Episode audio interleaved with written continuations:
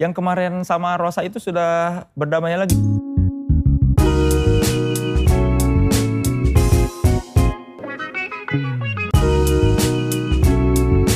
Tripod Show, sit and relax. Halo saudara-saudara, selamat datang di Tripod Show, sit and relax. Bersama saya Soleh Solihun yang sudah sit dan sudah relax. Bintang tamu kita kali ini seorang musisi, pencipta lagu hits, seorang vokalis band, seorang ibu juga. Ya sudah tahulah namanya siapa pasti di judul ya. Tapi sebelum saya panggil, saya bacakan dulu Wikipedia-nya. Nama aslinya Meliana, lahir di Bandung 7 Januari 74. Ibu dari anakku lelaki Hud dan pria bernama Hud. Dikenal sebagai Ratu Soundtrack dengan suaminya Anto Hud sukses menciptakan banyak lagu hits dan memenangkan banyak penghargaan di bidang musik. Oke, setelah Wikipedia sudah pasti saya bacakan dulu three statements yang akan kita konfirmasi apakah fakta atau hoax dari three statement itu. Yang pertama, Meli Guslow tidak bisa membaca not balok. Statement yang kedua, Meli Guslow benci belajar bahasa Inggris. Yang ketiga, sebelum berhijab, Meli ingin menghapus tato namun batal karena takut sakit. Oke saudara-saudara langsung saja kita panggil Meli Guslo. Assalamualaikum. Waalaikumsalam. Asa di Bandungnya Baraya Ungkul. Masih ketua gas teh? Masih? Gabungan artis seniman, Seniman Sunda. Sunda. Ar- sama Arman. Oh Arman apanya dia teh? Ketuanya dua jadi Arman. Laki-laki dan perempuan. Oh ketu sama-sama ketua nggak ada ketua satu ketua dua? Gak ada. Oh. Dan gak, nggak ada gantinya. Daun udah naik jadinya ketua we terus. Jadi ketua we seumur hidup. Karena nggak ada yang mau. Gitu. Oke, kita konfirmasi dulu ya dari three statement yang pertama. Meli Guslo nggak bisa membaca not balok, gimana itu teh? Benar. Jadi dari dulu tuh bikin lagu tidak pernah Nggak bisa baca not balok, Hmm. nggak bisa main alat musik. Humming aja, humming teh ngahariring gitu kalau orang Sunda bilang. mm, bergum, ber, Ber- senandung. nggak? bersenandung ya humming Hmm. Eh, direkam. Dulu, dulu mah kan handphone belum ada itu ya. Hmm. belum bisa ngerekam jadi di Walkman gitu. Mm-mm. terus jadi udah dikasihin ke temen dulu yang bisa main musik terus di dibikinin chordnya. Bisa sih kalau misalnya kayak ke, ke Mas Anto bukan bukan ke situ gitu. Salah tapi nggak tahu itu D C apa apa. Tapi bisa gitu. Kupingnya ngerti bukan ke situ sampai diraba-raba raba-raba sampai tahu cuman kalau Mas Anto kan karena udah lama eh, kita udah 25 tahun nikah jadi udah paham Pas- si Melima paling kalau nggak ke sini ke sini ke sini gitu Oh arah na- pergerakan Arahnya, nadanya ya. teh. Hmm. Jadi dari dulu cuma ngasih tahu, enggak enggak gitu, nadanya ke sini sambil nggak tahu itu teh apa kuncinya. namanya apa Iya. cuman tahu rasanya aja Tapi ber- berarti intuisinya bagus banget ya karena lagunya hit semua. Alhamdulillah Alhamdulillah Kesulitan nggak waktu itu buat menerjemahkan apa yang ada di kepala? kesulitan kesulitan makanya keba- kebanyakan eh, hampir 90% kalau lagu saya di aransemennya sama Mas Anto karena saya lebih lebih gampang komunikasinya gitu dia lebih paham Kalau sama yang belum kenal, bingung. bisa juga cuman ya makan waktu aja gitu Oke, statement yang kedua. Meli Guslo benci belajar bahasa Inggris. betul Sampai sekarang, sampai sekarang saya terlalu mencintai Indonesia. Tapi speak English bisa. nggak bisa. Masa? nggak bisa saya nggak bisa bahasa Inggris. Jadi dulu kalau setiap pelajaran bahasa Inggris tuh mabal terus ya di, di sekolah. Sampai pada suatu hari kalau si pas saya masuk sama gurunya tuh dilengkap jadi kalau misalnya dari dari eh, namanya siapa ke Meli itu tuh dilengkap langsung ke nama yang lain. Saking nggak pernah masuk udah dianggap nggak ada gitu Tapi lulus gening. Lulus lulusnya mah Nilainya berapa? dah ma- bahasa Inggris unggul yang jelek Berapa? lupa berapa tapi jelek lah bahasa Inggris mah Eh, Merah gitu. Heeh, jadi waktu habis lulus SMA juga SMA tadi mana? BPI, Ah, BPI. BPI daftar ke STIEP sama STE PKP. Dua-duanya nggak lulus karena eh, soal yang bahasa Inggris nggak ada yang diisi satu juga. Kalau ke luar negeri gimana berkomunikasi? Kalau ke luar negeri masalah shopping mah bisa, Gimana komunikasinya? bisa. Misalnya waktu itu tuh kan eh, nggak sama Mas Antoni sama teman-teman. Yang dua udah kecapean, jadi wah udah gue nunggu di, nunggu di hotel gitu. saya tetap aja pengen pengen belanja gitu. Ada uh, sepatu yang saya naksir gitu karena seneng banget pokoknya beli kalau beli tuh senangnya beli sepatu. Sepatunya nomor 38.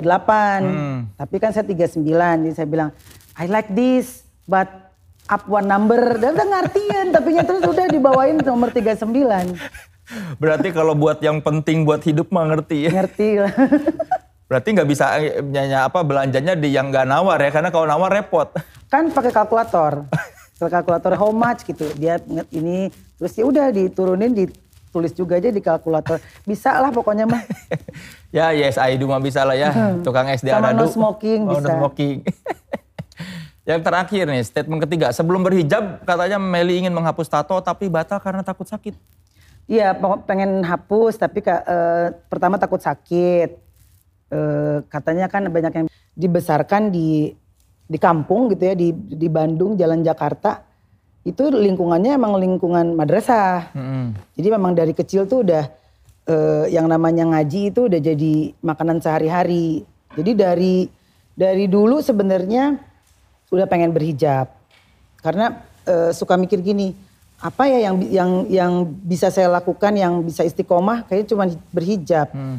Eh, maksiat pastilah masih pengen maksiat ya ngelihat itu lalaki-lalaki K-pop kan ya terus uh, lihat jinah mata lah jinah ya. mata uh, terus gibah pasti nggak nggak bisa gitu ya ya menutup aurat lah gitu hmm. bukan bukan hijrah dalam arti terus jadi gimana menutup aurat aja gitu itu yang yang bisa saya lakukan untuk Allah menutup aurat sama sholat minimal kebaikan yang lebih mudah dikerjakan yang paling mudah ya. Terus bagaimana perubahannya setelah berhijab ke karir dan ke kehidupan pribadi? Ya per pertama ya itu tadi uh, kenapa uh, mondok mayong gitu ya kalau bahasa hmm. Sunda mah maju mundur maju mundur hijab jangan hijab jangan karena pikirannya kalau nanti berhijab gimana ya secara kalau secara jobnya tuh kebanyakan di kalau potret kan di klub-klub gitu hmm. gitu ya yang jam satu baru naik panggung jam satu malam gimana ya nanti tapi benar kejadian tuh pas uh, akhirnya memutuskan hijab tuh pas tahun berapa? Enam tahun lalu, enam hmm. tahun lalu memutuskan berhijab. Uh, dua tahun gak ada kerjaan. Potret kan? Potret sama Melis semuanya oh. pokoknya gak ada kerjaan dua tahun. Untung uh, untung menciptakan lagu kan ada royalti. Hmm. Jadi ya dari situ aja kita ini karena kan saya sama suami dua-duanya dari dari manggung dari hmm. berkesenian hmm. gitu uh, terus diajakin sama bang Opik yuk Mel ikutan charity-charity aja itu ini ada acara-acara charity Palestina ya fee-nya ya jauh lah ya sama sama nyanyi biasa hmm. gitu itu di, dilakukan kurang lebih dua tahun dua tahun uh, tapi alhamdulillah ya enjoy gitu dan terus mikirnya oh ternyata jobnya bukannya bukannya jobnya hilang tapi mungkin di, di dipilihin gitu sama hmm. sama Allah dipilihin. Kalau dulu saya jam satu baru naik panggung, pas udah hijab tuh acara-acara yang yang charity-charity itu tuh jam 10 pagi udah di rumah lagi karena acaranya uh, abis abis subuhan gitu sampai sebelum sebelum duhur harus udah selesai. Berarti dua tahun tuh semacam diuji juga ya? Dua tahun. Iya bener. Kalau orang-orang mah begitu pakai hijab teh kan dapat iklan yeah. kecantikan. Itu aku mah dua tahun garing nggak ada job. Sempet ada rasa ingin mundur nggak? Uh, sempet tapi bu, uh, bu, bukan bukan bukan bukan pengen copot lagi ya bukan tapi kayak yang minder lebih ke minder sih gitu terus uh, gaul sama temen-temen juga ngaca gitu gue kayak ibu-ibu gitu emang guys ibu-ibu ya tapi terus lama-lama uh, ah kena pokoknya kan gue pengen nutup aurat gitu ya. Jadi uh, bersyari itu nanti itu proses. Tapi ya pokoknya kenapa mesti ini ya tetap aja pengen masih pengen gaya ya gaya aja. Mm -hmm. Masih pengen dandan ini itu ya dandan aja lama-lama ya menikmati gitu. Seberapa sulit memadu padankan kan dulu sebelum berhijab pakaiannya ya banyak yang apa eksperimen. Nah ketika berhijab itu bagaimana? Sama sih, masih eksperimen juga, masih uh, justru lebih seru ya karena kan di kepala bisa hmm. bisa macam-macam. Yang penting auratnya tertutup. Titik baliknya apa di dua setelah dua tahun itu apa yang titik balik bahwa ternyata oh udah nih udah cerah lagi nih job-job. Pokoknya ingat banget itu uh, project pertama itu ADC 2. Hmm. ADC 2 tuh waktu itu Mira bilangnya ke Mas Anto. Terus Mas Anto bilang ke saya, saya bilang nggak mungkin masa yang nyanyi ADC 2 berhijab gitu. Asa garing gitu jadinya gitu. Iya gitu tuh akhirnya Mira sama Riri ke rumah. Ke rumah untuk meyakinkan nggak nggak ada Mel memang elu yang nyanyi gitu.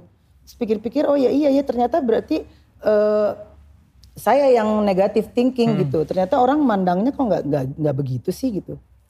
Ternyata, Sesuai kebutuhan hmm, aja gitu. Enggak enggak ada pengaruhnya penilaian orang mah terhadap hijab atau enggak ya? Iya, tapi memang uh, mengadjust itunya apa namanya uh, jobnya agak makan waktu karena memang memang tadinya kan nyanyinya di klub-klub. Iya, memang nah, tempat-tempatnya. ya lama-lama kan ya klub lagi mikir dua kali berenya yang nyanyi tamuna bubar. Nulain karya di iya kurudung. tamuna baralik. Jadi momennya teh si AADC 2 yang menyadarkan bahwa oh ya, masih uh, bisa nih kita berkarir. Iya. Uh. Jadi pede lagi. Tadinya oh. udah udah minder, udah nggak pede. Sem, seminder apa sih maksudnya sampai nggak nggak mau gaul apa? Iya jarang-jarang ke yang arisan-arisan tadinya datang lulu juga jadi jarang. Pokoknya ya banyak di rumah terus kayak yang nggak produktif juga gitu. Kalau misalnya yang yang biasanya suka iseng-iseng bikin lagu nggak keluar aja karena mungkin nggak nggak ngalir nggak ada imajinasi. Karena mungkin minder itu gitu ke bawah ke mana-mana jadinya. Jadi buat oh, perempuan-perempuan yang ragu ingin memakai hijab apa yang bisa Teh Meli sarankan? Um, itu dua hal yang berbeda jadi ternyata ya. Jadi kalau uh, apa namanya udah panggilan ya dipakai aja dipakai dengan niat yang memang untuk untuk Allah. Nanti keadaan setelah itu itu ya harus dijalankan seiring dengan waktu akan santai sendiri. Dan zaman sekarang mah bermusik pop pun bisa berhijab ya. Iya dan hijab sekarang kan uh, fashion juga gitu. Maksudnya hmm. macem-macem model model syari juga seru-seru gitu. Jadi masih masih buat anak-anak muda masih inilah. Kan sudah banyak apa banyak penghargaan di bidang musik. Yang belum didapatkan oleh Meli Guslow di musik itu apa? Apa ya? Enggak ada sih, enggak naon ya. Bermusik ya kan bikin bikin musik buat film udah apa saya nggak neko-neko sih nggak ada ini yang penting bisa menjalankan yang seperti sekarang sampai sampai memang udah nggak bisa dijalankan lagi gitu. Waktu mulai apa bermusik, siapa sosok yang menginspirasi untuk jadi musisi? Mama, mama. Hmm. Jadi eh, karena mama sama papa itu berpisah hmm. dari kecil eh, dan papa saya kan penyanyi gitu ya. hmm. ya. Jadi si mama tuh punya keyakinan, nih gue bisa ngebesarin anak lu jadi penyanyi tanpa lu gitu kayak gitulah. jadi dipaksa-paksa dulu waktu kecil tuh kalau nyanyi dipaksa-paksa karena memang dari dulu senangnya baju. Hmm. Jadi kalau misalnya mau ikutan festival tuh disogoknya pakai baju. Sok mau menang kayak dibelikan baju anyar gitu. Ntar kalau menang dibeliin baju baru. Uh. Seneng kan dan suka menang terus. Lama-lama tetap nggak suka juga sampai akhirnya uh, masuk Elvasis Shoria ya. Hmm. Mulai jadi backing vokal terus mulai dapat dapat honor yang lumayan gitu ya di, di tahun itu. Jadi ya seneng, seneng duitnya. Tapi di, di titik mana bahwa sadar, oh aku harus bermusik, apa berhidup dari musik dan berkarir di sini tuh di mana tuh titiknya? Waktu SMA ya, waktu waktu jadi backing vokal karena uh, eh, SMA tuh udah membiayai sendiri, hmm. bayar sekolah sendiri, semua biaya keperluan untuk pribadi sendiri gitu. Ya itu jadi oh ya memang memang dinyanyi ya gitu apalagi pas setelah lulus SMA kuliah juga nggak masuk kan tes nggak masuk ya udah memang dinyanyi ya udah dijalanin aja berarti peran bapak mah tidak ada dalam gak hal ada. membantu industri cuma nama belakangnya aja ya iya dan uh, papa juga waktu pas udah udah mulai ikutan cipta pesona bintang ya tahun hmm. dulu tuh ada Asia bagus itu juga dia cuman nganter aja gitu nganter terus nggak pernah mau selalu bilang sama orang yang di situ pokoknya kalau misalnya jelek jelek aja ya nggak usah jangan karena anak gue lu masukin gitu. Hmm. Jadi memang orangnya begitu keras gitu. Buat yang belum tahu bapaknya Meli Guslow ini adalah Melki Guslow ya. Silakan di googling aja lah, capek kalau saya terangin. Dan saya pernah nonton wawancara nih Teh Meli yang ngomongin soal apa kan Temeli ini teman dekatnya Nike Ardila. Katanya pernah cerita dulu Mel sok mau orang pae non sih yang bilang bakal ngehantuin lah katanya. oh dulu tuh kan kan sahabatan banget. Uh, siapa Sahabat, aja? Uh, ya ya yang orang tahu ya aku sama Nike uh, ya. Nike Ardila ya silakan googling lagi kalau belum tahu nih siapa Nike Ardila. Capek nerangin soalnya takutnya ada anak muda siapa Nike Ardila. Silakan cari. Jadi kalau misalnya lagi lagi lagi apa tidur gitu rame-rame atau ini disuka bikin janji aja. Ntar ntar pengennya sih nikah berdua. Jadi nikahnya bareng. Hmm. dia nikah saya nikah jadi bareng gitu. Terus nanti mungkin mau orang mautnya orang rek ngejung jurigan ke toko kaset katanya meh kabeh. Menemani rekaman kabeh jelema muli kaset mana gitu. Kayak gitu. Jadi jadi waktu itu pas aku punya saya punya album pertama yang Jika yang sama Ari hmm. Lasso kan tuh meledak banget. Di tahun itu tuh sampai toko-toko kaset tuh sampai yang ditulis album jika habis, album juga habis. Hmm. Itu tuh inget-inget janjinya itu, tapi ya kan nggak mungkin ya itu mahalu. tapi ya inget janjinya dia, jangan-jangan sini, sini ke yuk ngajung jurigan ke toko kaset. Jangan-jangan orang-orang pada beli gara-gara setan dan Nika Ardila, ayo beli kasetnya. Seberapa deket sih kalian waktu itu? Deket banget karena dari uh, kita berdua belum belum jadi apa-apa ya dia dia dia duluan jadi uh, public figure kan uh, latihan nyanyinya bareng di Taman Ria hmm. di Bandung. Nah mama aku kan bule, mamanya dia tuh kribo. Hmm. Jadi kalau misalnya kita festival tuh kita dua-duanya nggak punya mobil kan pakai beca. Kita tukeran mama, jadi saya sama mamanya Nike, Nike sama mama saya karena lebih cocok mam mamanya mama aku lebih cocok jadi mamanya dia bule gitu. Mamanya Nike lebih cocok jadi mamanya aku suka gitu. Deket-deket banget. Tukeran mama. Tukeran mama. Waktu yang di paling dikangenin sama Nike Ardila apa waktu dia meninggal tuh? Yang paling dikangenin ya banyak ya karena kan deket banget uh, baiknya sih baik baiknya tuh nggak ada sih. Sampai sekarang saya nggak nemu orang kayak gitu. Jadi kalau misalnya dia belanja tuh ke luar negeri gitu. Dia tuh hobinya shopping. Jadi kalau pulang tuh pasti bawa empat koper apa hmm. banyak pokoknya. Di tahun itu ya, tahun itu tuh segitu udah luar biasa banget. Itu dia panggilin semua teman-temannya sih itu datang ke dia mana datang datang datang. Suruh pilih, sisanya buat dia. Oh. Jadi kalau kalau, kalau saya tanya eh mana itu lebar eta si itu sepatu pokoknya sepatu apa semua yang lagi tren saat itu hmm. mahal gitu ya itu nanawan langke kan saya bisa beli lagi gitu. Oh, iya. saya nggak pernah nemu.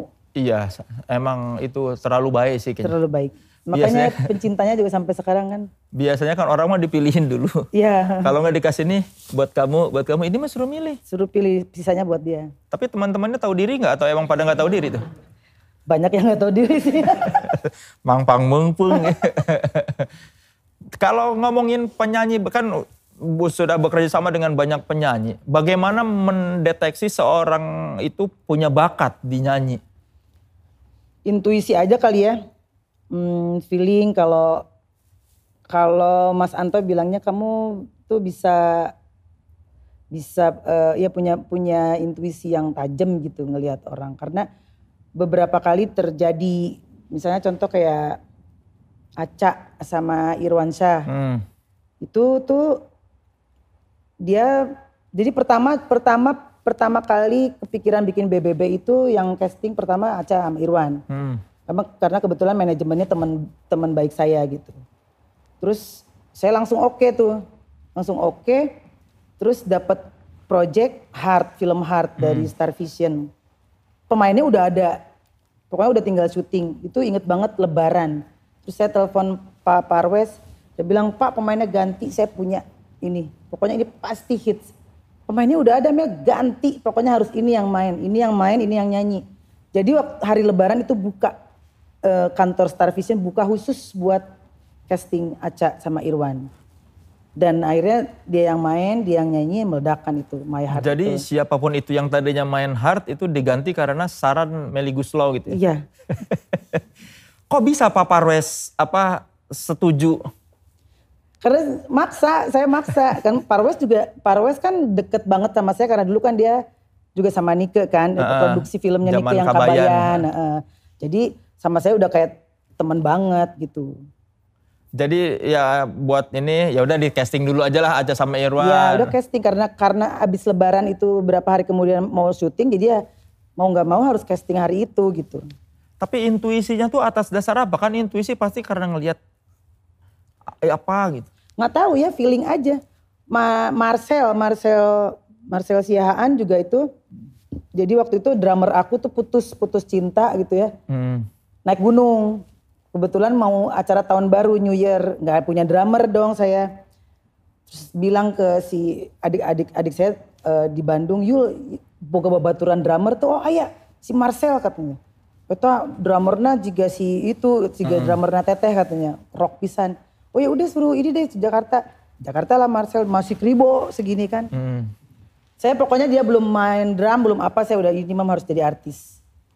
Terus udah main drumnya nggak cocok terlalu keras. Dia ya dari hardcore ya, suruh oh, bawain pop ya. pulang ke Bandung balik dia si Pak Iman Warner telepon.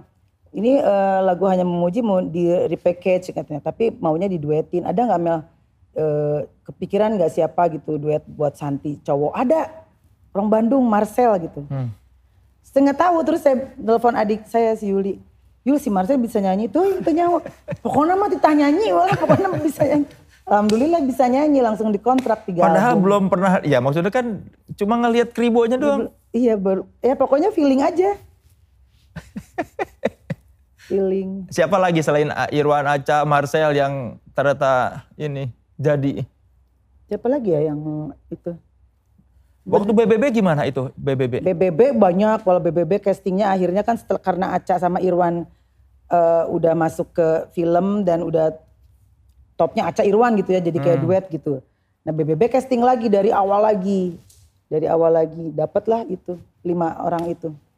Apa yang dilihat dari lima orang itu waktu mereka lolos casting? Kalau BBB kan memang bukan bintang biasa, jadi memang e, kriterianya mereka harus udah jadi bintang, tapi mau dibikin nggak biasa nih, artinya hmm. selain dari main sinetron atau main film atau model dia harus bisa apalagi kayak Dimas kan waktu itu bisa main biola, kalau Raffi segala bisa gitu ya.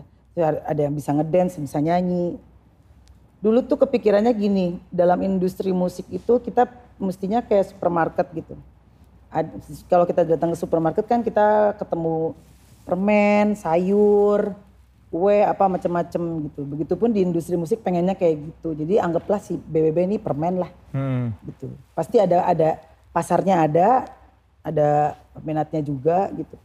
Kalau menciptakan lagu yang Teh Meli pertimbangkan tuh apa?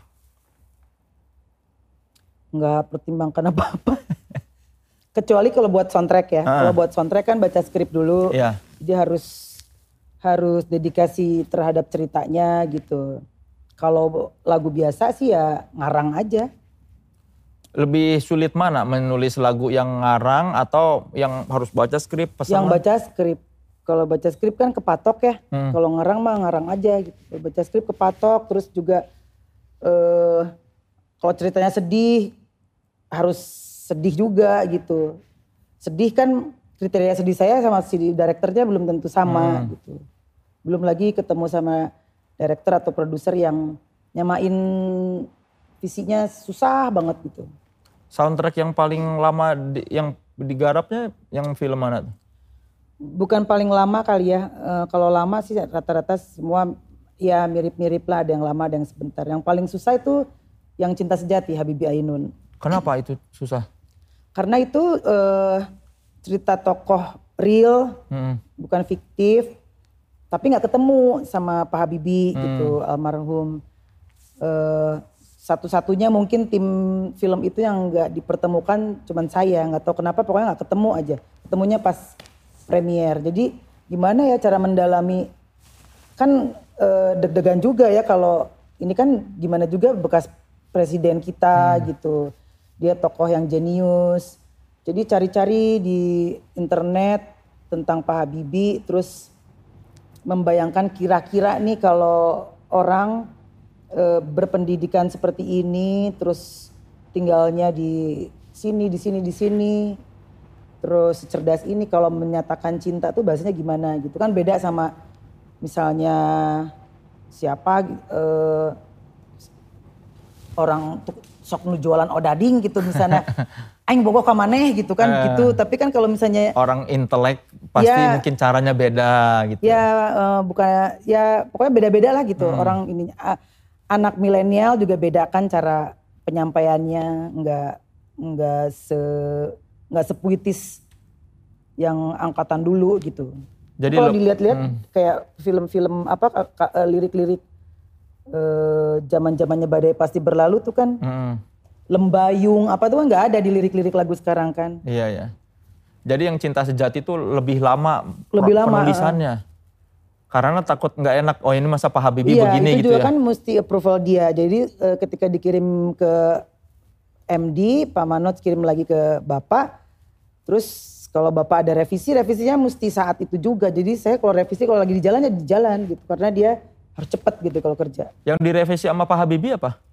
Biasanya sih lebih ke angle sih dia kayak misalnya ini angle-nya eh, saya maunya dari Ibu Hainu, Bu Ainun atau gimana gitu lebih ke situ sih. Oh bukan yang teknis ke. Oh, saya nggak suka kata Enggak, ini. enggak, gitu. enggak. Lebih ke konsep berarti ya. Album soundtrack yang paling membanggakan yang mana kalau sepanjang karir? ADC mungkin ya karena ADC eh, pertama kali AADC yang satu ya. yang satu eh, karena pertama kali semua pertama kan pertama kali lagi ada film Indonesia setelah berapa puluh tahun mati suri kan. Terus pertama kali lagi ada soundtrack di Indonesia. Jadi itu yang paling Kalau soundtrack AADC itu seperti apa mempengaruhi karir seorang Melly Guslow? sangat karena sampai sekarang itu album ADC 1 dan ADC, ADC 2 tuh nggak pernah keluar dari dari chart platform. Hmm. udah berapa? Udah ber, ber- berapa belas tahun ya? Alhamdulillah. Dan lagunya yang paling seneng tuh kalau kalau sebagai komposer yang paling seneng adalah saat saat manusia-manusia yang bukan di zaman kita tahu lagu kita gitu. Hmm, iya. kan anak-anak sekarang kan memang alhamdulillah anak-anak sekarang seneng seneng lagu-lagu tua ya gitu seneng lagu-lagu tahun 90 anak saya juga dengernya yang tua-tua gitu. Aneh juga. Anak-anak Melly dengerin potret nggak? denger denger. Mereka suka. mereka su- suka sama potret. Album yang mana Teh? yang paling senang album yang orange ya album kedua. Hmm. Mereka ngelihat ibunya di video klip yang apa comblang itu apa? Mungkin kalau di belakang saya gumoh ini kok ibu kita centil banget ya. kalau Teh Melly ngelihat masa muda seperti apa sih kalau sekarang setelah ini sudah matang?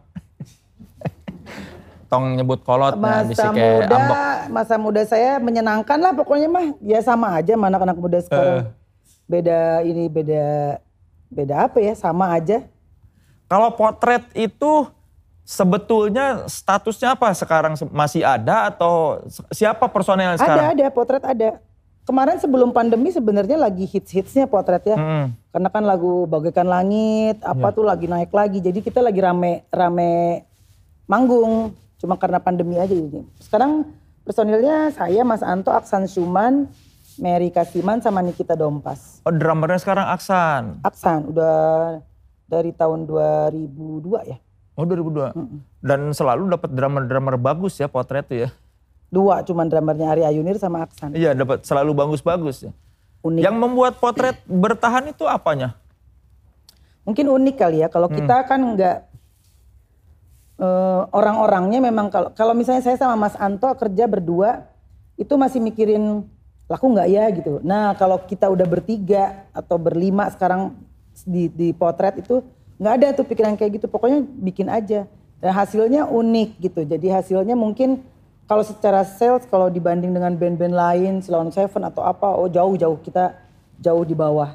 Tapi alhamdulillah selalu menjadi referensi untuk untuk band-band anak muda. Apa kalau misalnya mau bikin aransemen atau apa pasti dengerin potret. Berarti kalau di potret itu bukan dominasi Antohud dan Meli Guslo ya dalam proses kreatifnya. Bareng-bareng.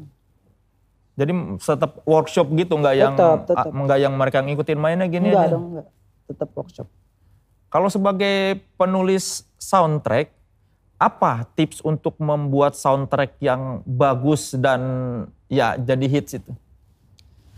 Baca skripnya harus puluhan kali ya. Baca skrip itu saya bisa 15 kali. Satu skrip penuh Satu gitu? skrip uh, dibaca lagi, dibaca lagi. Sampai kalau misalnya ke lokasi, ke lokasi syuting tuh si pemainnya lagi adegan tuh saya lebih hafal dari dia kali dialognya kadang-kadang gitu-gitu. Karena gimana pun juga kan uh, soundtrack itu nantinya akan jadi satu teaser atau satu rangkuman dari hmm. dari film itu. Jadi saat nanti orang keluar dari bioskop, besoknya, minggu depannya, apanya denger soundtracknya harus terbayang lagi sama semua adegannya itu baru sukses tuh. Jadi dari 100 atau 90-an halaman tuh harus terangkum ke dalam 5 menit lagu. Iya benar. gitu. Pusing ya. Pusing. Berarti sebetulnya selain sutradara dan pemain, penulis soundtrack juga itu lebih mengetahui lagunya mungkinnya dibandingkan Iya. Kalau nggak banyak nggak banyak PH yang menganggap pembuat soundtrack itu adalah pemain kesekian. Jadi misalnya ada lima pemain, dia pembuat soundtrack adalah pemain keenam gitu. Soundtrack ya bukan pembuat soundtrack itu adalah pemain keenam. Makanya waktu kita e, tanya lagi, tanya lagi ke Mira, bener nih ADC 2 kita lagi. Ya dia bilang, kan kalian kan itu bukan bu, bukan bagian kecil tapi nggak banyak PH yang begitu. Rata-rata e, hampir di atas 50% sih musik dan soundtrack itu masih dianggap sebagai bagian kecil sih dari sebuah produksi film. Oh, nggak dianggap sebagai kesatuan dari ini yeah. cuma, nih bikinin dong satu lagu gitu. Kalau begitu menghadapi produser yang seperti itu gimana? Apa tetap diterima atau ditolak kalau ada yang produser yang tidak menganggap penting? Biasanya kan kita kalau misalnya sebelum nerima kan kita brainstorming dulu. Hmm. Biasanya juga mental di depan sih, karena kalau kita tuh nggak mau nggak mau cuman bikin, kita mesti mesti terlibat juga gitu, mesti art, artinya mesti jadi satu satu teamwork, satu keluarga. Kalau enggak tuh pernah ada satu dua film yang begitu, jadi akhirnya jadi kayak nempel lagu aja, berasa banget. Padahal cuman cuman lagu, tapi berasa gitu. Itu kayak nggak masuk gitu. Udah nggak kena hati uh ya waktu bikinnya ya. Akhirnya makanya dari awal udah ditolak. Semuanya kan? semuanya nggak jadi nggak pakai hati karena gini. Hmm. Uh, biasanya kalau timnya yang bagus kayak Mira gitu salah satu contohnya. Biasanya nih kalau misalnya di, kita udah baca skrip terus kita bikin lagu baru, baru sampel kirimkan ke Mira, kirim ke Mira ke Riri Nanti dia juga punya ide baru dari lagu itu. Oh iya ya gue tambahin ini deh gitu. Liriknya bagus. Jadi saling harus saling. Tapi kalau kita cuman dianggap ya udah lu bikin lagu aja, udah gaya lu ditempel di film gue. Itu pasti nggak nggak nggak bagus. Oh ada yang begitu yang oh. banyak masih banyak yang begitu. Oke sebelum kita ngobrol lagi kita mau games.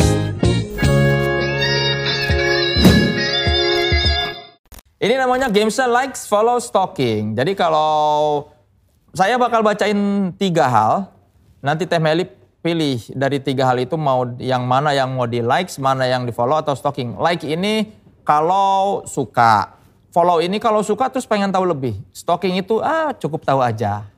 Kayak gitu kriterianya ya. Oke yang pertama nih, like, follow, stalking. Tas, sepatu, baju.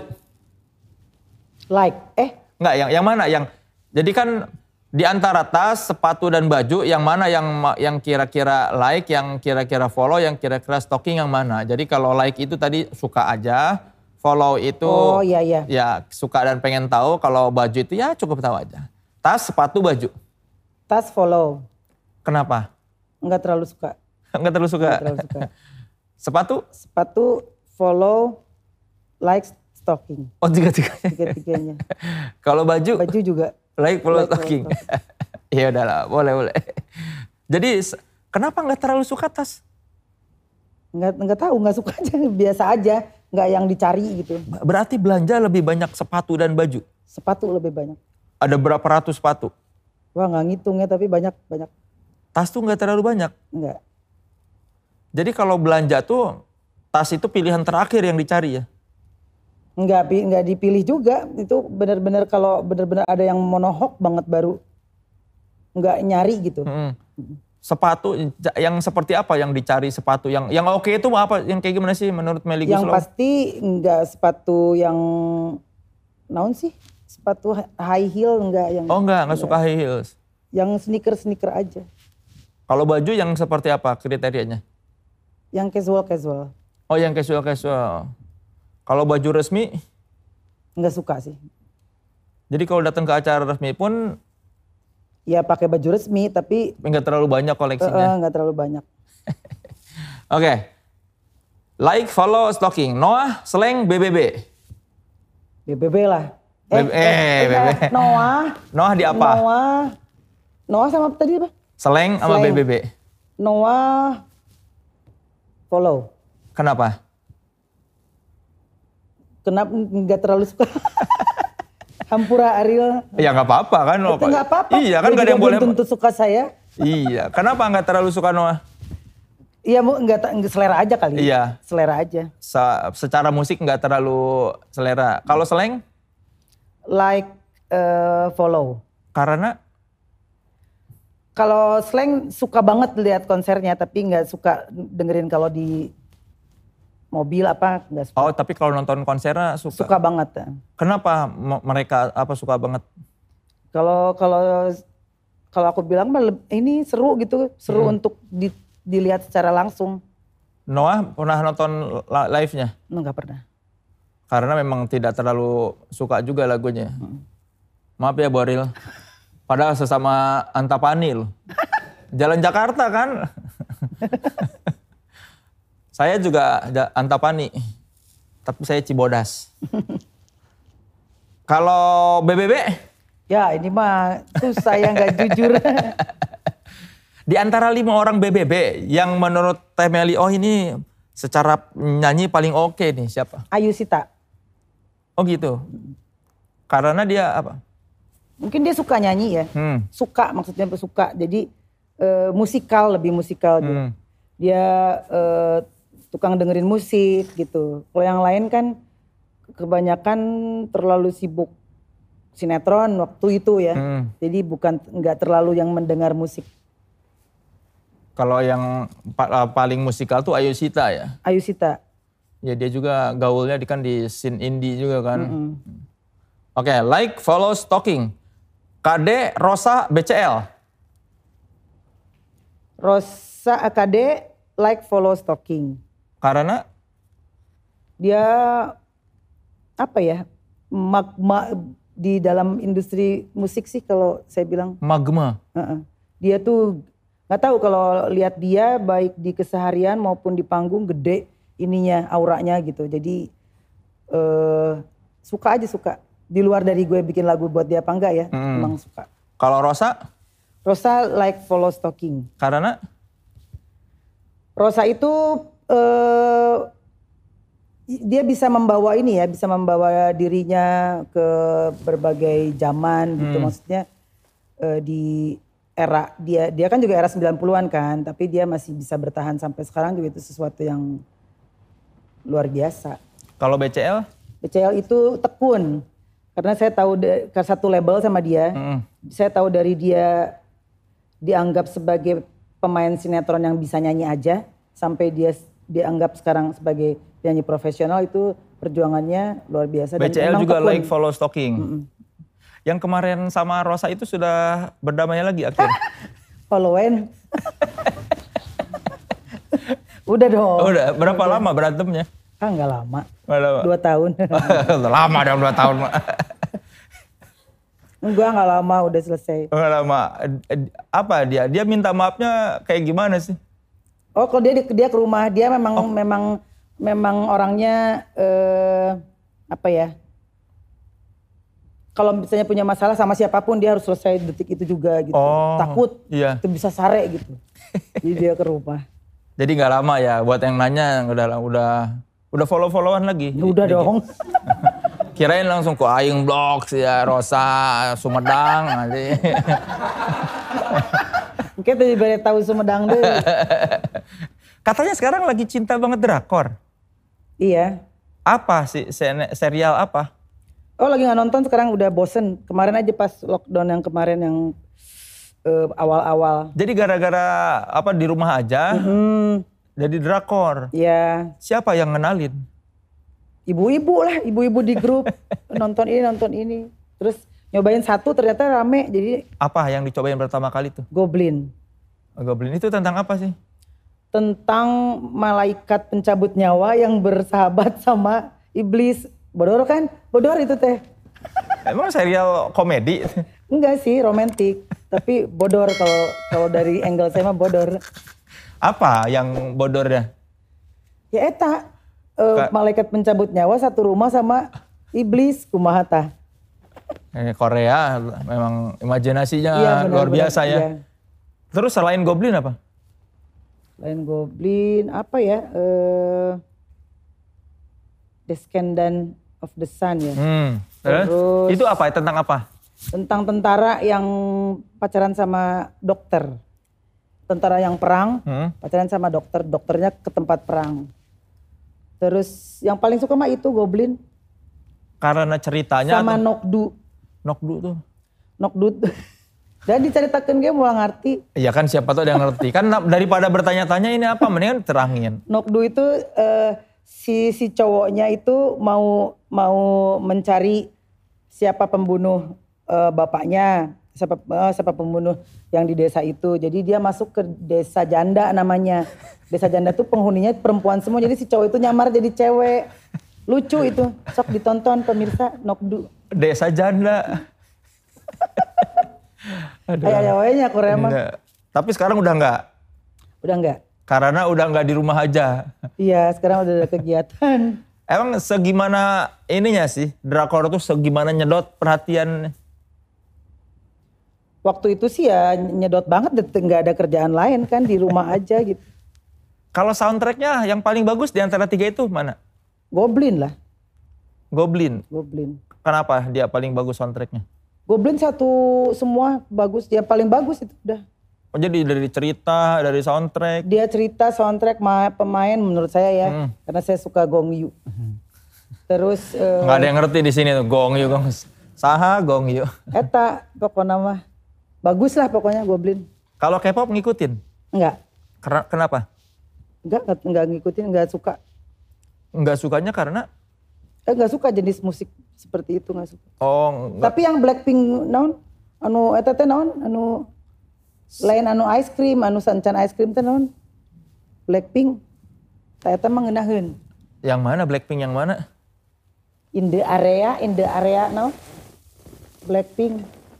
Naon, nggak ada yang ngerti. Saya tahu Blackpink. ngerti Blackpink. Saya tahu Blackpink, Lisanya doang, Lisanya doang. Saya, Oh. saya tahu Lisa, saya tahu Lisa. Saya lah tahu. Eta pokoknya mah itu mah enakeun yang lain mah. Ente Oh gitu. aja. Jadi kalau ya kan BBB juga sebenarnya kan kayak vokal apa kelompok vokal, terus juga kan si K-pop juga kan banyak jualannya kelompok vokal. Nggak nggak memperhatikan dari sisi itunya. Oh ini kelompok vokalnya gimana si K-pop? lebih ke jenis musiknya merenya enggak enggak masuk kalau di saya mah. Kalau dulu memang dibesarkan oleh musik-musik apa? Kebanyakan sih Mama sih dengerinnya yang jazz-jazz ya kalau Hmm. si Mama. Jadi udah dulu mah kalau beli kaset saya kaset sanggar cerita bukan kaset nyanyi. Dulu waktu kecil. Eh. kaset sanggar cerita. Nah Mama kalau dengerin dengerin lagu ya jazz, dia senangnya jazz. Tapi nggak jadi musisi jazz ya tumbuhnya tuh. Mm-mm. Gagal berarti sih. Kalau di pergaulan dulu apa pengaruh musiknya? Nggak ada ya kalau di jalan jalan Jakarta kan saya kecilnya di jalan Jakarta, jalan Serang. Hmm. Di Jalan Jakarta mah lingkungannya ya ke masjid deh ke masjid deh. Kalau sore tuh ya ke masjid ngaji gitu. Gak ada musik. Jadi pe- pengaruhnya jazz aja itu. Mm-mm. Mama pokoknya yang keke jadi tiap hari minggu tuh dibawa ke Taman Ria. Ke Taman Ria untuk nyanyi di Taman Ria teh. Di HAPMI, Himpunan Artis Penyanyi Musisi Indonesia di Taman Ria. Itu tuh angkatan saya tuh ada Nike, ada Inka Kristi, Hmm. terus siapa lagi ya? Ani Ibon, Ina Rawi, terus Mel Sandi. Oh, Mel Itu Sandi semua juga jebolan seangkatan itu? Ria. Mm. Oh. Kalau Ale sama Abe ada udah kelihatan bakat musiknya nggak? Ale sama Abe bermusik. Abe udah punya album, Hmm. tapi ya genrenya apa ya dia hip hop ya. Ale lebih ke nge-DJ, Ale Oh, suka nge-DJ. Mereka suka minta komentar orang tuanya nggak saran? Enggak, Enggak. enggak masuk juga. dia tahu enggak masuk musiknya. Bapak ibunya nggak akan Kita yang suka minta saran ke mereka sekarang. Oh gitu. Dia kalau bikin lagu didengerin ke mereka, mereka suka kasih komen, ibu nggak banget gitu atau bagus gitu. ada juga yang dibilang nggak banget gitu ada. Apa? Ada lagu-lagu yang dibilang nggak banget ya udah kita pendem aja. Oh, jadi filter pertama anak-anak. Anak-anak. Kalau anak-anak nggak suka, udah nggak jadi Udah jadi. direkam. Heeh. Jadi demo-demo tuh langsung didengerin pertama iya kali tuh. bahkan sekarang ada ada tiga lagu yang mereka aransemen. Oh, karena mereka suka terus ya udah di aransemenin aja gitu. Saya sih minta tolong, coba ini Ale aransemen gitu. Yang agak ngedance ngedance tuh masuknya ke Ale. AB yang yang ada aneh-aneh juga Ale. AB tuh dia kalau AB lebih komersil daripada Ale. Ale lebih apa ya? Aneh lah. Dia di dunia lain dia. Seleranya lebih ini cutting edge. Mm-mm. Yang lebih mirip ibunya siapa? AB yang kecil. Kayak Ale. gimana? Gemuk. Kieu juga ibunya cuman gak dijilbab. Kalau sifat apa mirip juga? Sifat, iya Abe mirip juga. Doyan makan gitu. Sama persis. Ale sama persis Mas Anto. Oh jadi yang pertama ke bapaknya, yang kedua ke ibunya. Hmm, Adil. Eh, Itunya juga perawakannya juga mirip. Sama persis. Bisa gitu ya. Kemarin kan dapat peran di Imperfect itu kan sebagai tukang Gitu. Eh bukan imperfect apa sih yang tukang Mili Mamet. Oh Mili Mamet review Review makanan. review makanan itu seberapa dekat dengan sosok aslinya Meli Guslow? Gitu memang. Memang Saya Mama Ice, Ah, si Mama oh, Ice oh, ya memang Ice. gitu. Ya Ernest juga ngasihnya kali karena kan bukan pemain jadi nggak bisa acting yang ngasihnya ya yang sesuai suka dilakukan sehari-hari kali. emang Emang se- suka nge-review makanan. eh, secinta apa sama makanan? Cinta mati, Cinta mati tuh se- cinta sejati pokoknya nama. semua jenis makanan dimakan. Semua kecuali kambing. Kenapa kambing enggak? Nggak suka, nggak suka kambing. Hmm. Makanan yang enak tuh yang seperti apa buat seorang Meli Guslow? Nu pedes, Harus pedes. pedes. Pedes level tinggi saya mah. Kuat itu perutnya. Kuat insya Allah. Jarang diare. Jarang. Jadi kalau diare itu saya bersyukur. Karena berarti pedas banget. Jadi buat yang pengen ngetes sambal, seberapa pedasnya kasih ke Meli Guslow. Kalau dia diare berarti pedas. ya kan? Pedes pisan berarti. Kalau Meli Guslow belum diare berarti itu sambal kurang pedas. Dari dulu suka pedas? Dari dulu sekeluarga suka pedes. Oh. Saya mah setbret, Oh. setbret. Asal aksen aja pedas tuh. Hmm. Harusnya bi- harusnya bikin sambal loh. Usaha sambal sambal meli gitu. Kan karena suka pedas. kalau dengan suami itu gimana sih? Apa proses kreatifnya biasanya kalau berkarya? Ya pokoknya saya bikin humming dulu ya Hmm. ngahariring itu apa bersenandung. Terus ya dinyanyiin di depan dia kalau udah udah udah sampai sampai jadi dengan lirik. Dinyanyiin depan dia terus dia cari chord. Selalu begitu? Nggak nggak pernah dia yang Enggak pernah. ini ada nada nih coba, coba kamu nyanyiin. Nggak pernah. Nggak pernah. Dari dulu juga selalu keluar nada dari Teh Meli Dari saya dulu, dulu, ah. baru Mas Anto yang ini. Kenapa dia nggak pernah ngasih duluan? Nih ada Nggak ada tahu ya. Coba nanti saya tanyakan pulang dari sini. Ya lo kan udah puluhan tahun tapi belum pernah begitu. Iya, nggak pernah, nggak pernah. Memang bukan yang begitu kali orangnya eh harus dimulai gitu. Man, Antohu- Mas Anto tuh kan Antohu tuh santai pisan orangnya, Hmm. santai pisan. Ya santai santainya tuh santai banget. Jadi kalau nggak eh, yuk kita bikin musik ya dia diem aja gitu. Nggak santai santai banget dia. Coba sekali-kali dong. Sayang, coba dong inisiatif dari kamu lagunya.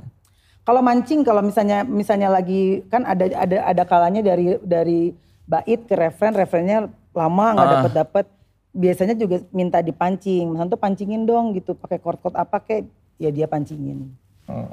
Tapi selalu awalnya tuh dari, dari saya Gitu. Dia romantis. Romantis gak ya? Ente Ente. Tapi nggak nggak pernah apa mendambakan hal-hal romantis, Temeli? Enggak. Enggak, enggak. Romantisnya gimana sih? Maksudnya bikin ngasih bunga gitu-gitu. Ya kan definisi cewek-cewek beda-beda romantis. Ada yang ngasih bunga, ada yang apa ngajak dinner, candle Oh enggak, enggak dia bukan yang kebetulan saya juga bukan yang tipe senang digituin sih. Jadi waktu kita pacaran tiga bulan, eh, tiga bulan itu juga bukan yang diapelin apa gitu. Jadi karena saya senang main sama teman-teman daripada sama pacar. Makanya cocok sama Mas Anto. Oh. Dia juga males ngapel. Jadi kalian ini sama-sama santai udahlah nggak perlu ya, ah, ah, gitu. Nggak perlu romantis-romantisan yang penting mah tak tahu sama tahu sayang gitu ya. Iya. Kurang lebih gitulah. Jadi iya, luar biasa ya. Beruntung sekali ya. Jadi tidak perlu beliin bunga. Karena kadang-kadang ada kan cewek-cewek yang mendamba dibeliin bunga gitu. Bunga deposito. itu bisa dileut? Biasa, bisa, bisa. Kalau pilotok, senim, pasangan seniman itu ngobrolin apa? Di tempat tidur maksudnya? Iya. Kalau saya sama Mas Anto nggak pernah ngomongin musik sih. Karena kita tuh penikmat film. Dua-duanya itu pencinta film. Hmm.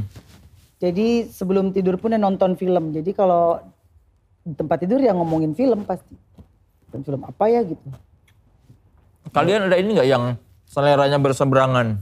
Ada. Saya apa, dalam suka apa? banget horor. Hmm. Dia nggak suka banget horor. Tapi kan kalau produksi film saya dua dua kali produksinya horor. Hmm. Yang bikin musik dia. Jadi mau gak mau. Jadi kasihan dong dia. Terpaksa menonton film horor. Emang kenapa dia nggak suka horor? Dia sukanya komedi gitu, hmm. Mr. Bean yang gitu-gitu, yang ketawa-ketawa. Saya nonton horor tuh kayak denger musik klasik bisa sampai ketiduran gitu. Jadi waktu dulu anak saya kecil si Ale tuh umur berapa ya? Nggak kecil-kecil banget lah SD. Hmm. Jadi saya nidurin dia, saya nonton itu Susana yang berenak dalam kubur kan. Hmm. Udah horor, film jadul kan, jadi beki horor kan. Hmm di YouTube. Enggak, bisa saya ketiduran. Dia bangun, itunya masih nyala. Sampai sekarang dia inget memori yang tak terlupakan itu. Eh, kalau saya mah bisa sampai ketiduran, apalagi kalau lagi flu apa kan nggak keluar keluar kamar, nonton horor, medley horor. Berarti nggak takut setan dong? Takut setan mah. Kok bisa nonton horor tapi takut setan ini ber, berlawanan sekali? Takut setan mah. Kalau nonton horor kan film. Tapi kan kalau abis nonton horor, terus misalnya lampu dimatiin sendirian di kamar kan? Enggak tuh, enggak takut. Enggak takut. Enggak takut kalau di WC lagi ngaca terus tiba-tiba jeng. Karena ketahu itu film kali ya. Kalau kalau tiba-tiba ada yang jeng mah ya takut lah. Ulah jangan sampai atuh. Ya enggak kan biasanya orang kalau abis nonton horor suka kebayang-bayang. Oh gitu saya enggak sih. Jadi udah nonton udah dilupain. Udah aja kan itu film. Kalau suka ya diputar lagi gitu. Unik sekali ya. Orang soalnya kalau habis nonton horor suka takut apalagi kalau saya bikin cerita horor eh, dua horor itu kan juga ngetik di kamar sendirian. Enggak, enggak takut. Dah itu kan ngarang. Kalau ke, ke, kejadian nyata mah ya takut lah pasti.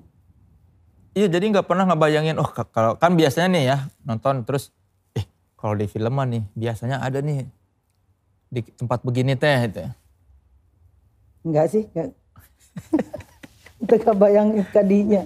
Film paling horor yang pernah ditonton apa menurut Meli Guslau? The Ring, The Ring nol, The Ring O yang The Ring O. Yang Jepang, The yang Ring, Jepang. bukan yang Hollywood. Bukan, yang Jepang dong. Yang Kenapa Jepang. itu serem? Itu tuh nggak ada musik, terus uh, ambience-nya juga sama kan padahal, padahal sadakonya kan munculnya kan akhir banget tuh. Hmm. Akhir banget dari awal tuh nggak ada hampir nggak ada si Sadakonya ya kan, hantunya kan nggak keluar tapi karena pemainnya tuh udah mukanya pucet kurus rambutnya panjang tuh udah serem-serem itu sama Makmum Oh iya yang si Titi iya. Kamal nah, ya. itu mah lumayan kebayang-bayang karena kan sholat lagi sholat sendirian. Ya, Pas sholat subuh, sholat tahajud, siun. Terus jadi nggak sholat tahajud? Sholat, tapi itu lumayan berasa dibanding film-film horor yang lain. Padahal kan Teh Meli pasti jadi makmum. Kalau yang serem kan yang imam karena takut yang makmumnya ada setan. Tapi kalau lagi sholat sendiri kan siun. Tapi yang si pengabdi setan udah nonton. Nonton. Kan ada juga kan yang tiba-tiba dari mukena itu Iya, tapi enggak ini makmum sih yang lebih ini. Kalau kayak sundel bolong apa gitu kan itu kan apa ya? Ya nggak mungkin lah ketemu itu gitu, insya Allah. Tapi kalau film makmum kan mungkin-mungkin aja. Pas lagi sholat tiba-tiba ada yang apa gimana gitu, isian. Tapi kan kemungkinannya sama aja ya. Ketemu setan sundel bolong sama ketemu setan yang jadi makmum. Belum per, nggak mungkin lah kayaknya sundel bolong memang ada gitu. Ya nggak tahu, jangan sampai sih. Ya kalau kita tanya si Risa Saraswati mungkin dia bilang ada sih, nggak tahu. ya silakan lah cari tahu lah film makmum kayak gimana. Pokoknya ininya Titi Kamal, dia tuh sholat ada setan ikut kan kalau nggak Iya. salah. Emang posternya aja serem. Berarti kalau nonton berdua di kamar, Mas Anto teh nggak mau nonton. Kalau nonton horor pas dia udah tidur. Oh, nanti pas dia bangun, ah belum Enggak, selesai. dia mah pelor. Terus siang apa, kan saya mah hobi nonton pokoknya. Eh, terakhir nonton film apa? Terakhir kalau film, apa Bon yang itu Red, Red Chat, naon? Red, Red Chat, Red Chat. Oh, yang di Netflix ya? Iya. Recet- Serial kan itu kan? Iya, tapi nggak panjang kan 8 episode, bagus itu. Itu tentang apa? Tentang rumah sakit jiwa. Jadi yang gila siapa gitu, yang waras siapa itu di situ bias. Oh, jadi yang Nah, antara yang film-film gitu juga suka saya, yang, yang kayak yang psikologi psikologi yang gitu. eh, yang pembunuhan, serial killer gitu. Ya, sungguh bertolak belakang dengan ceria ceria ceria ya. Wah, Bajunya cerah ceria, lagunya cerah ceria, senangnya yang serem-serem. Oke, Teh Meli terakhir nih. Apa yang dibutuhkan oleh seseorang kalau ingin berkarir di industri musik dan bertahan lama? Yang pertama mungkin jujur kali ya, jujur dalam arti jujur ke diri sendiri. Eh, harus benar-benar tahu kalau misalnya kapasitas kita sampai ke level mana. Misalnya kita kapasitasnya sampai di 5 ya udah main di situ aja. Tapi juga dinaikin, dinaikin bukan berarti terus eh, pengen jadi siapa, Bang. Itu itu yang bikin orang banyak gagal. Terus attitude juga attitude tuh dalam arti mesti mau dengar masukan orang, mau mau cari-cari referensi teman-teman yang lebih dari kita gitu. Jangan gengsi, jangan apa banyak banyak nanya. Terus ya kalau mau panjang ya itu mah ada campur tangan yang di atas kali ya. Rezeki ya, faktor X juga ya. Eh, eh, motivasi hidup yang menyemangati seorang Meli Guslow apa? Slogan atau moto? Lu doang. Aunya. Apa ya? Apa nggak punya slogan Yang yang menyemangati hidup gitu. yang menyemangati hidup? Prinsip hidup. Santai lah saya mah.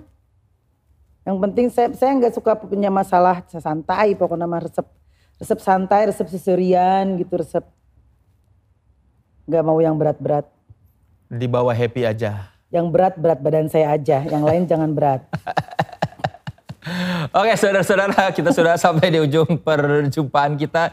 Jadi dari seorang Meli Guslow tadi kita bisa mengambil pelajaran bahwa buat kali- kalian yang mungkin pernah merasa tidak percaya diri atau merasa apa memandang rendah diri sendiri itu tolong dihilangkan baik-baik oh dihilangkan pandangan itu karena ketika kalian memandang rendah diri sendiri itu belum tentu orang lain memandang rendah seperti itu karena itu hanya ada di pikiran. Jadi buat yang sedang tidak percaya diri bangkitkan percaya diri karena kalianlah yang akan membuat orang lain juga melihat kalian percaya diri. Saya sok tahu ya ini. ya intinya mah gitulah. Disuruh ngasih konklusi nih panitia nih. Aduh susah, susah loh. Saya saya ngobrol terus nanti obrolan setengah jam harus dicari konklusinya nilai positif. Saya jadi kayak apa moderator webinar. Ya intinya seperti kata Meli Guslo dan Anto Hood dibawa santai saja ya. Buat yang mau berkarir di musik silakan berkarir di musik dan nilai apa tahu diri di mana berada ya itu ya. seperti kata Meli Guslo. Oke, terima kasih Meli Guslo sudah datang. Sama-sama, makasih juga udah diundang. Ya, udah di, sudah datang di Tripod Show. Kita doakan semoga karir Meli Guslo bersama suaminya Anto Hood dan juga bandnya Potret semakin bersinar Amin. Dan job-job soundtrack atau job-job memproduksi lagunya makin lancar. Amin. Sampai jumpa di Tripod Show berikutnya dengan bintang tamu yang juga akan membuat kalian sit and relax. Saya Soleh Solihun. Ali Guslow. Salam Tripod Show, salam sit and relax, luf luf.